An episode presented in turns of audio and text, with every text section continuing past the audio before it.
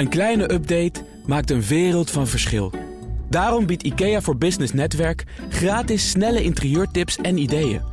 Word gratis lid en laat je werkplek voor je werken. IKEA, een wereld aan ideeën. Wel. Ondernemerspanel. Een verkenner van de VVD en een verkenner van D66 gaan kijken welke partijen samen kunnen gaan regeren. En juist in coronatijd is in Leidsendam het duurste en grootste winkelcentrum van Nederland geopend. Ik bespreek het met het ondernemerspanel en daarin zit Desiree van Bokstel van Carmijn Kapitaal en Floris Venneman, managing partner van Bureau 50, bureau voor het ontwikkelen en vermarkten van producten en diensten gericht op de 50-plus doelgroep. Heb je weer gesproken met de nieuwe redacteur, Floris? Zit er allemaal weer doorheen gekomen? Ik heb geen idee. Sorry. Jongen, ik doe dit, jongen, dit doe je zelf ook, hè? Je had het bij Bureau 50 Ik doe, het maar één keer. Wat is je eigen nieuws? Ehm, nou ja, ik vond het heel lastig vandaag om het, eh, om het nieuws eh, te kiezen. Ehm, maar ik wil toch even naar, naar Crisp. Eh, ik vond het gisteren mooi in het, in het FD, jullie collega krant... een heel mooi profiel van de CEO, Tom Peters. En eh, wat ik vooral heel tof vind, is... ehm, ze hebben natuurlijk 30 miljoen groeigeld opgehaald.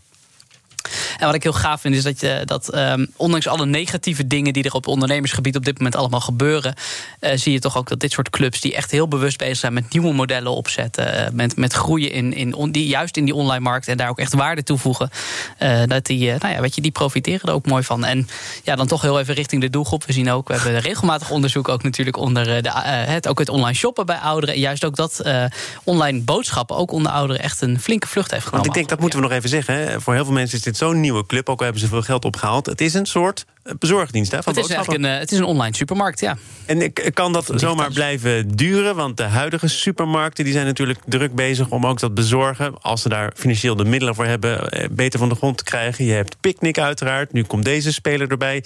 Denk je dat er nog heel veel ruimte is voor meer? Dat durf ik niet per se te zeggen. Ehm, wat ik wel interessant vind is om te zien... is wat dat dit soort partijen toch een beetje de enkelbijtertjes zijn... ook in die markt. En ook in ieder geval bepaalde vormen van innovatie afdwingen. En waarbij Crisp natuurlijk wel echt zit ook op nou ja, gezonde voeding... bewuste voeding en ook hè, bewust eh, laten eten.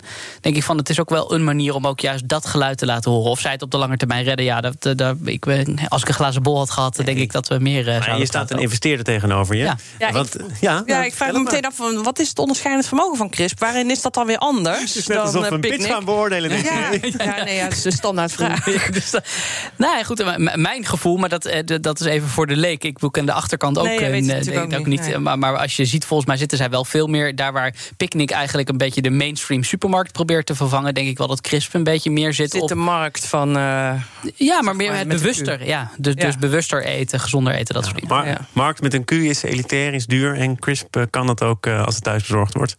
Ik denk, ik denk dat dat een beetje het verhaal is. Ja. Hmm. Wat is jouw nieuws, Desiree?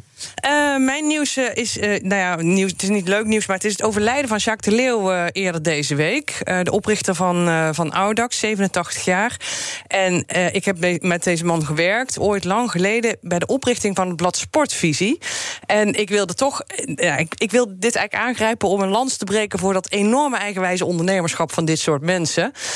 Want Jacques de Leeuw was iemand die bij lange na niet alles goed heeft gedaan. Natuurlijk, hij heeft heel langzaam maar steady een heel mooi familiebedrijf opgebouwd.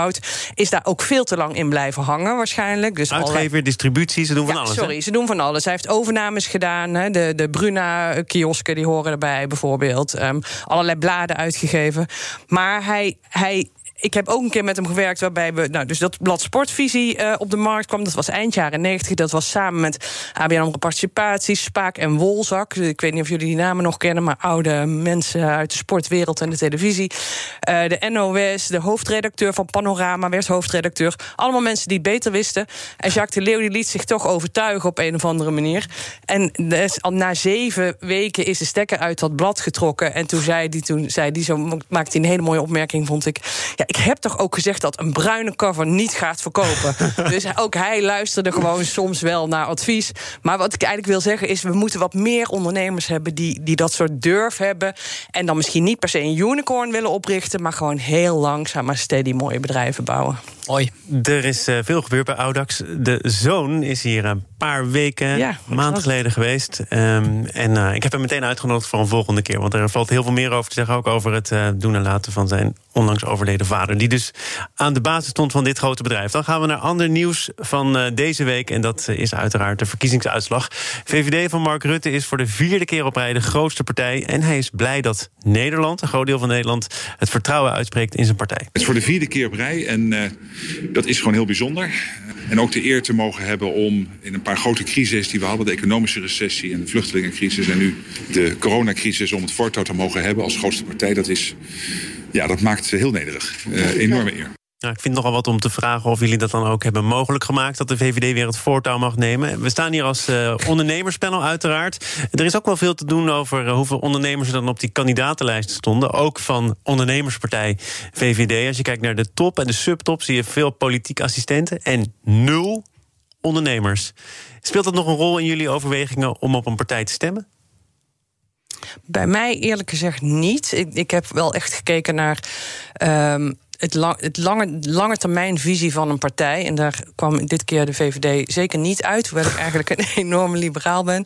Ehm, maar eh, ik moet eerlijk zeggen dat ik eigenlijk niet naar ondernemerschap op de lijst heb gekeken. Ik weet ook niet zeker of ondernemers per se betere Kamerleden zouden zijn dan bestuurders of eh, politici, beroepspolitici. Kijk jij er Zonder- naar, eh, Floris? Nou goed, ehm, eh, ik ben, eh, ik denk van, van dezelfde politieke kleur eh, als mijn eh, opponent in het panel vandaag. Maar ik vond het dit keer zo verdomde lastig om een keuze te maken. Ja. Voor welke partij? Want ik vind dat het echte liberale in de VVD ontbreekt gewoon. Ja. Ik vond andere partijen zoals een Volt eigenlijk veel liberaler in, in, in doen en laten. Dus ik vond het echt verdomd lastig om hiervoor te kiezen. En ik heb dus ook echt letterlijk pas in het stemhokje mijn, mijn definitieve keuze gemaakt. En ehm, ik moest wel even grinniken om jouw aankondiging, Thomas. Maar inderdaad, uiteindelijk dus toch wel voor de VVD gekozen. Maar echt, ja, ik, ik, ik, nou ja, ga je op persoon kiezen? Want eigenlijk geen enkele partij was echt mijn verhaal. Eh, ook in de toekomstperspectief, nou, daar kun je ook nog van alles van vinden. Eh, maar uiteindelijk heb ik gewoon eh, gekozen voor een, ehm, een, een jonge dame op de VVD-lijst... die ik nog ken uit mijn JOVD-periode. Omdat ik het haar gewoon enorm gun. En Ah. Oh, maar ik denk dat dus zij wel het eigenlijk best verschil... aan- ben je- best wel aan het aftrijven als jij echt een JOVD-verleden hebt. En het is nu geen vanzelfsprekendheid meer dat je op die partij stemt. Dan is er iets. Ja, mijn, moeder was, er- mijn, mijn moeder was er heel blij mee. Maar ik, eh, voor mezelf vond ik het verdomde lastig. Oké. Hey, eh, Desiree, jij zegt ik heb gekeken naar het eh, lange termijn perspectief. En dan komt de VVD zeker niet bovenaan. Wat is dan voor jou belangrijk? Nou ja, ik, er is natuurlijk een korte en een lange termijn perspectief. En het korte termijn perspectief, daar zullen we het denk ik nog wel over hebben, is absoluut het herstelplan voor Nederland. Maar ik wilde niet op. ehm, Misschien is dat niet per se korte termijn, maar ik wilde niet op allerlei issues stemmen. Ik wil niet stemmen op een partij die zich opstelt voor één issue of voor twee issues. En al helemaal niet voor weg met de coronaregels, bij wijze van spreken. Dat vind ik zo korte termijn gedacht. Wat, wat kies je dan? Eh, waar, waar zitten we dan over vier jaar in met zo'n partij? Dus dat was voor mij. Maar het, het herstelplan heeft te maken met eh, wie wanneer welke rekening gaat betalen. Of er een lastenverzwaring voor het bedrijfsleven aankomt, ja of nee. Eh, heb je daar dan wel naar gekeken? Ja, daar heb ik zeker naar gekeken. En ik moet ook eerlijk zeggen dat. Ja, je verwacht natuurlijk dat de VVD daar de juiste partij in is. Maar ik vond er niet heel veel visie uit het, uit het programma spreken op dat gebied. En heel eerlijk gezegd denk ik dat, dat we met z'n allen op dit moment misschien onderwijs, zorg en zo wel voor ondernemerschap laten gaan de komende jaren. Maar volgens mij was zelfs de slogan van de VVD samen sterker. Dus het Ja. idee dat de markt het allemaal voor ons gaat bepalen... dat is ook door die partijen wel een beetje vaarwel gezegd. Ja, en vind daarom vond ik het ook wel heel grappig dat VVD, VVD nog zo groot is geworden. Want zij hebben per slotverrekening wel aan de basis gestaan van dat hele marktdenken. Dus ik, ik heb ook echt, ja, ik heb met volle verbazing eh, zitten kijken eh, naar alle verhalen überhaupt die er rondom de verkiezingen waren. Dus ook in de aanloop puur naar het moment toe. Als je ziet welke onderwerpen eigenlijk onderwerp van gesprek waren, dan, dan miste ik er best wel een aantal vrij essentiële. Ik vind namelijk dat onderwijs, zorg, ja, het, het zijpelde wel door, maar het was niet het thema. Dus ik, ik, ja, ik heb echt met verbazing en, en dus daarmee ook met veel interesse de afgelopen periode wel gezien. En ook wat de invloed van de media is. Welke vragen stel je wel, welke stel je niet? Welke persoon zet je wel of niet tegenover elkaar? Ik hou gewoon mijn mond. Nee, ik, wil, ja. ik wil nog wel even van jou weten. Want eh, er is ook in die eh, verkiezingsstrijd een heel duidelijk onderscheid gemaakt tussen eh, grote bedrijven. Hè, die moesten we aanpakken, die betalen niet voldoende. Dus als ze hier willen zitten, dan hoort er ook een eerlijke bijdrage bij. Daar valt het geld te halen, maar het MKB moeten we ontzien. Hè, het MKB is de ruggengraat van de economie, is belangrijk, moeten we aan de praat houden. Heb je dat dan teruggezien als je kijkt naar bijvoorbeeld winstbelasting voor MKB of opvolgingsregelingen? Ja, kijk, weet je, het gaat over veel geld als het over grote internationale organisaties gaat. En dan, dan gaat gelijk de wet van de grote getallen spelen. Maar als je kijkt, zijn het eigenlijk maar relatief weinig ondernemers. Terwijl als je naar het MKB kijkt, het wordt hier regelmatig op de zender ook herhaald. Dat is gewoon, dat is echt die ruggengraat. Dat zijn al die hardwerkende ondernemers. En, en als je dan ziet waar het thema, dan gaat het weer over de belasting van, van een, een, nou ja, al die internationale clubs die zich hier vestigen. En we zijn een belastingparadijs. Terwijl ik denk, ik wil horen wat jullie met elkaar voor die ondernemer gaan doen. Hoe gaan jullie 70% van de banen hè, in het MKB? Ja. Maar dan bijvoorbeeld, eh, ik heb even gekeken naar uh, dat programma van de VVD, toch weer de grootste partij. Dan uh, zeggen zij bijvoorbeeld, uh, ondernemers moeten makkelijker aan krediet kunnen komen, ook buiten de banken om. Ja. moet je daar dan een heel duidelijk plan van verwachten? Of kunnen ondernemers buiten banken om al makkelijk genoeg aan krediet komen? Wat denk jij? Nee, dat kunnen ze zeker niet. op dit moment zijn de banken allesbehalve makkelijk met kredieten en ook niet met schulden die er op dit moment zijn. En ik verwacht van de VVD eerlijk gezegd helemaal niet dat zij zullen gaan sturen om de banken daar. Nou, dat ze de banken zullen gaan sturen. Ik denk dat ze daar toch echt liberaal voor zijn. Terwijl ik denk dat dat nu wel nodig zou zijn. Ja. Of een nationale MKB-bank. Ja, ook een, paar keer een nieuwe NIP, eh, een nieuwe NIP. Wat, hoe heette dat vroeger? De Nationale Investeringsbank. Hè, toen die ooit is opgericht. Voorstander van? Ja, nee, goed. Ik denk uh, zeker met, met de actuele situatie waar we met elkaar mee te maken hebben. Er zijn een heleboel gezonde ondernemers die uh, nou ja, door alle toedoen uh, nu nou, water echt aan de lippen staat. Dan denk ik van dan is het nu niet verkeerd om even te zeggen, nou ja, dat misschien niet helemaal de, liberaal, hè, de liberale gedachte. Maar we moeten nu even met elkaar er voor elkaar zijn. En dan is samen sterker ineens wel een heel waardevol iets.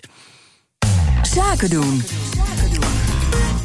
Het woord is aan het ondernemerspanel. Desiree van Bokstel van Carmijn Kapitaal en Floris Venneman van Bureau 50. Sinds deze week worden chauffeurs van Uber in het VK als workers gezien en niet meer als ZZP'ers. Ze krijgen een minimumloon, vakantiegeld. En die discussie speelt ook in Nederland. Zelfs voor de rechter zijn chauffeurs werknemers of zijn ze zelfstandigen. Um, of zou je zeggen, ook in Nederland uh, is de tijd rijp voor een andere aparte status, die van de workers. Desiree, wat denk jij? Ja, ik vind het, ik vind het eigenlijk een grotere vraag. En je ziet natuurlijk steeds meer van dit soort uh, businessmodellen opkomen. Zoals jullie weten maakt Uber nog bij lange na geen winst. En gaan ze met dit businessmodel ook nooit winst maken. Ze gaan alleen maar meer verlies maken als ze groter worden. Um, elke rit, uh, voor elke rit betaal je 41% van de daadwerkelijke kostprijs. Dus dat doen wij zelf. Dat zijn wij. Dus ik denk dat er een veel groter uh, iets speelt. Als we dit soort unicorns in het zadel blijven helpen dan gaan die ook bepalen hoe onze arbeidsmarkt eruit ziet. En uh, dan, gaan, dan krijgen we dit soort extreem flexibele, maar zeer onderbetaalde arbeid, wordt, een, wordt iets normaals. Dus ik denk dat er een hele grote vraag is: van hoe gaan we met dit soort gedwongen ZZP'ers eigenlijk om?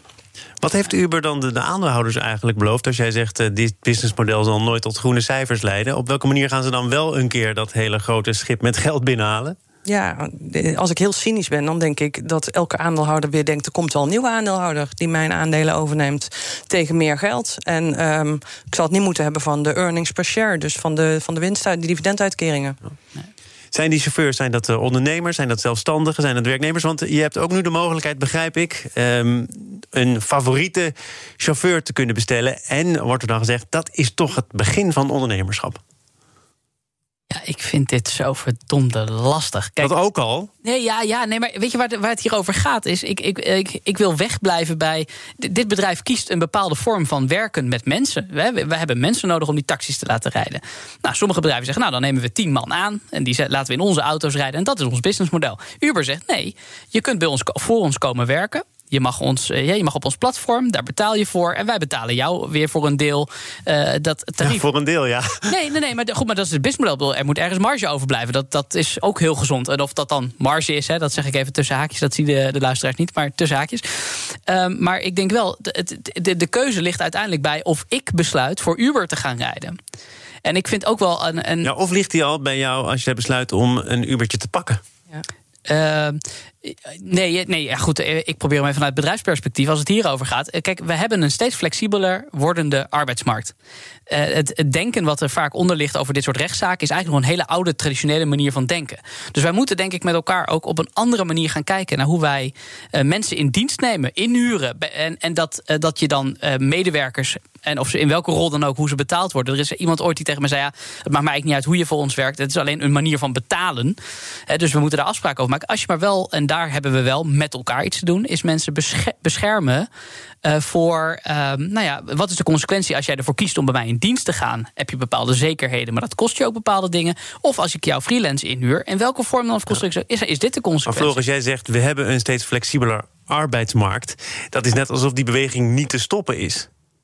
Uh, dat is misschien onjuist. Uh, nee, want ik denk dat, dat, um, dat, dat het juist ook een heel tof is dat we dat hebben. Want dat maakt dat we ook versnelling kunnen maken. Dat we, dat we innovatie stimuleren en faciliteren. Dat we ook uh, nieuwe ondernemers de kans geven en krijgen, dat die de kans krijgen om een bedrijf snel neer te zetten. Dat als het even wat minder gaat, dat je veel makkelijker kunt sturen. Ja, maar dat is een bedrijf dat dus kennelijk op de langere termijn ook geen winst gaat maken. En dat is een bedrijf waarvan de werknemers, dat zijn het dus niet, de workers of de zelfstandigen, geen fatsoenlijke boterham kunnen beleggen. Ja, maar goed, ja, ja, en misschien ben ik dan te hard en ga ik te kort door de bocht. Maar ik denk, je hebt nog steeds altijd dezelfde keus om voor Uber wel of niet te gaan rijden. Ja, en het grappige is dat uh, elke Uber-chauffeur die ik het heb gevraagd in het verleden, die zegt: Ik heb het eigenlijk nu beter dan bijvoorbeeld vroeger bij de TCA. Want ik kan nu veel meer rijden. Ik verdien er weliswaar veel minder aan. Maar daardoor kan ik geld verdienen. En bij de TCA stond ik stil en verdiende ik veel, veel minder.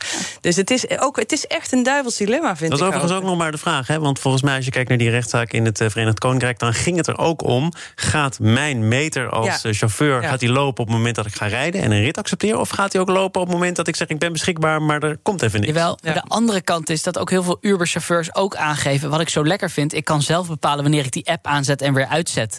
Dus ik bepaal zelf wanneer ik beschikbaar ben... en dus eventueel een rit kan maken en niet. En ik, ik, ik weet dat de zaterdagavond voor mij goede momenten zijn. Ja, weet je, en dan pak ik die vrijdagmiddag, die laat ik even zitten. Dus weet je, ook dat is die flexibiliteit. Ja, en die kost geld. Weet je, ergens betekent dat je flexibiliteit... ja, dat iemand moet daar de rekening voor betalen. We gaan naar een andere rekening, eh, namelijk de rekening van de Mall of the Netherlands. Dat is de naam van het grootste, duurste winkelcentrum van Nederland. Gisteren geopend, jarenlang aan gebouwd. En ja, lockdown of niet, het moest een keer open. Unibero Damco Westfield, groot bedrijf achter deze mall, heeft er 630 miljoen euro in gestoken. Je bouwt dit in eerste instantie voor de Nederlandse consument. En we hebben geen vergelijkbaar product in Nederland. Dus daarmee heb je al een enorm marktgebied. Uh, wij rekenen tegenwoordig wel met een uur reistijd als bereik van zo'n mall. En dan praat je toch wel over zo'n 6 miljoen mensen. Maar we zien in het buitenland ook dat mensen uit het hele land eigenlijk wel eens een keer naar zo'n mall toe komen. Floris, zou je er ook een uurtje reistijd voor over hebben? Uh, nou, nee, niet per se. Maar dat heeft vooral ermee te maken dat ik altijd erg ben van juist de kleine ondernemer, de kleine retailer. Dus dat, uh, ik, ik ga niet daar naartoe voor een dagje shoppen. Ik ken overigens wel een heleboel mensen die er met plezier wel naartoe gaan. 50-plussers? Uh, nou, niet eens per se. Oh. Ik, nee, nee, ik denk vooral aan mijn schoonmoeder in eerste instantie... die daar waarschijnlijk helemaal van aangaat. Ja. Hey, over uh, geld verdienen, geld ooit terugzien. Ik begrijp dat Unibero Damco Westfield... en Bart van Twillert is hier ook geweest een tijdje terug... pandje voor pandje voor pandje dit allemaal in eigendom gekregen heeft... Uh, voor meer geld dan oorspronkelijk begroot. nu heb je een valse start, ook al is het open. Het is toch coronatijd, mensen zijn anders gaan denken over winkelen. Gaan ze dat geld ooit terugzien? Uiteraard, joh. Dit is, dit is lange termijn spel. Dus ik denk dat zij. Voor hun is corona. Voor een vastgoedbelegger is corona volgens mij een soort rimpelingetje in, uh, in het water. Net zoals we elke zeven jaar een rimpeling in het water hebben. Ja, ik... Maar als je kijkt naar. Uh, ja, ik weet niet of jij dat dagelijks in de gaten houdt. Maar de koers van al die ja. vastgoedbeleggers. En zeker ook die in winkelpanden zitten. Dat is al wat langere tijd iets meer dan een rimpeling in de vijver, toch? Ja. Omdat er structureel vragen zijn over. Wat doet een winkel nog? Ja. Nou, dat snap ik wel. En we hebben natuurlijk uh, tien jaar lang allemaal geloofd in um, um, beleving. Hè. Je had allemaal die winkels, de um, single brand uh, stores, waar je dan de beleving van zo'n merk kon meemaken. Die stonden allemaal zo goed als leeg. dus ja, ik. Unieke ik denk, beleving. Ja, ik, maar goed, kennelijk zijn er nog steeds heel veel mensen die toch wel een dagje shoppen zien als het ultieme uitje. Maar, dus... Daar praat ik nu toevallig niet mee, begrijp nee, ik. Nee, mij ook niet. Nee, nee, dat bedoel ik. En, en nee. Maar als je nu dan, hè, die, die mol moest uh, vol, dat heb ik ook aan Bart van Twillert gevraagd. Dan kun je natuurlijk wel wat spelen met de huur. Hè. Als je nu zegt, ik ga er toch zitten, ondanks dat het een coronaperiode is, dan betaal je ook niet de hoofdprijs. Nee, maar goed, maar wat ik denk ik, en ik ben er wel even een klein beetje ingedoken. Mijn aanname, mijn eerste aanname was, dat zullen wel, weet je, meer van hetzelfde. Alle grote ketens, want dat is wat je vaak ziet. Veel vierkante meters, grote winkels, dus grotere ketens.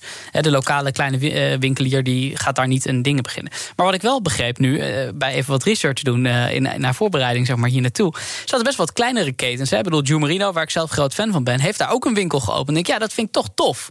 Dat je wel dat, dus blijkbaar is het dan ergens. Ik word, ben wel ineens toch nieuwsgierig naar hoe het er dan uitziet. Want wat je wil voorkomen, is dat is natuurlijk wel een beetje de verschraling van de winkelstraat. Is we zien eigenlijk in welke willekeurige middelgrote stad. Je ziet dezelfde ketens op een rijtje zitten. Dus een plek waar je weer wat meer dynamiek gaat zien. Als we dat echt kunnen creëren, dan zou het zomaar eens een hele aantrekkelijke ja, plek kunnen zijn. De dynamiek van de een is uh, het sterfhuis van de ander natuurlijk. Hè. Er is heel veel weerstand geweest de afgelopen jaren van winkelstranden. Niet alleen in Leidschendam-Voorburg, maar ook ver daaromheen. Leiden, Zoetermeer, Rijswijk, ze gaan allemaal de klappen opvangen. Ja, nee, maar goed, maar ook daar, en, en dat is ook altijd een wat harder opmerking. Maar ik denk wel, ik, ik verwacht ook wel van kleine retailers. Je moet kies, kies en wordt gekozen. Als jij een unieke propositie hebt, een unieke merkencombinatie of unieke producten, is er een reden om naar jou toe te komen.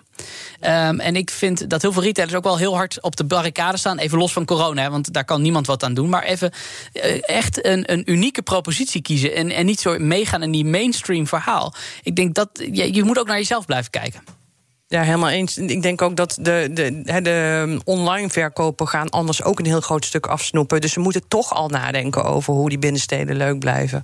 En dan niet de grote winkelstraten met de kleine leuke boutiquejes en zo. Genoeg harde opmerkingen gemaakt, uh, toekomstverwachtingen uitgesproken door Desiree van Bokstel van Carmijn Kapitaal en Floris Venneman van Bureau 50. Dankjewel. Volgende keer weer een keertje de volledige introductie van je bedrijf.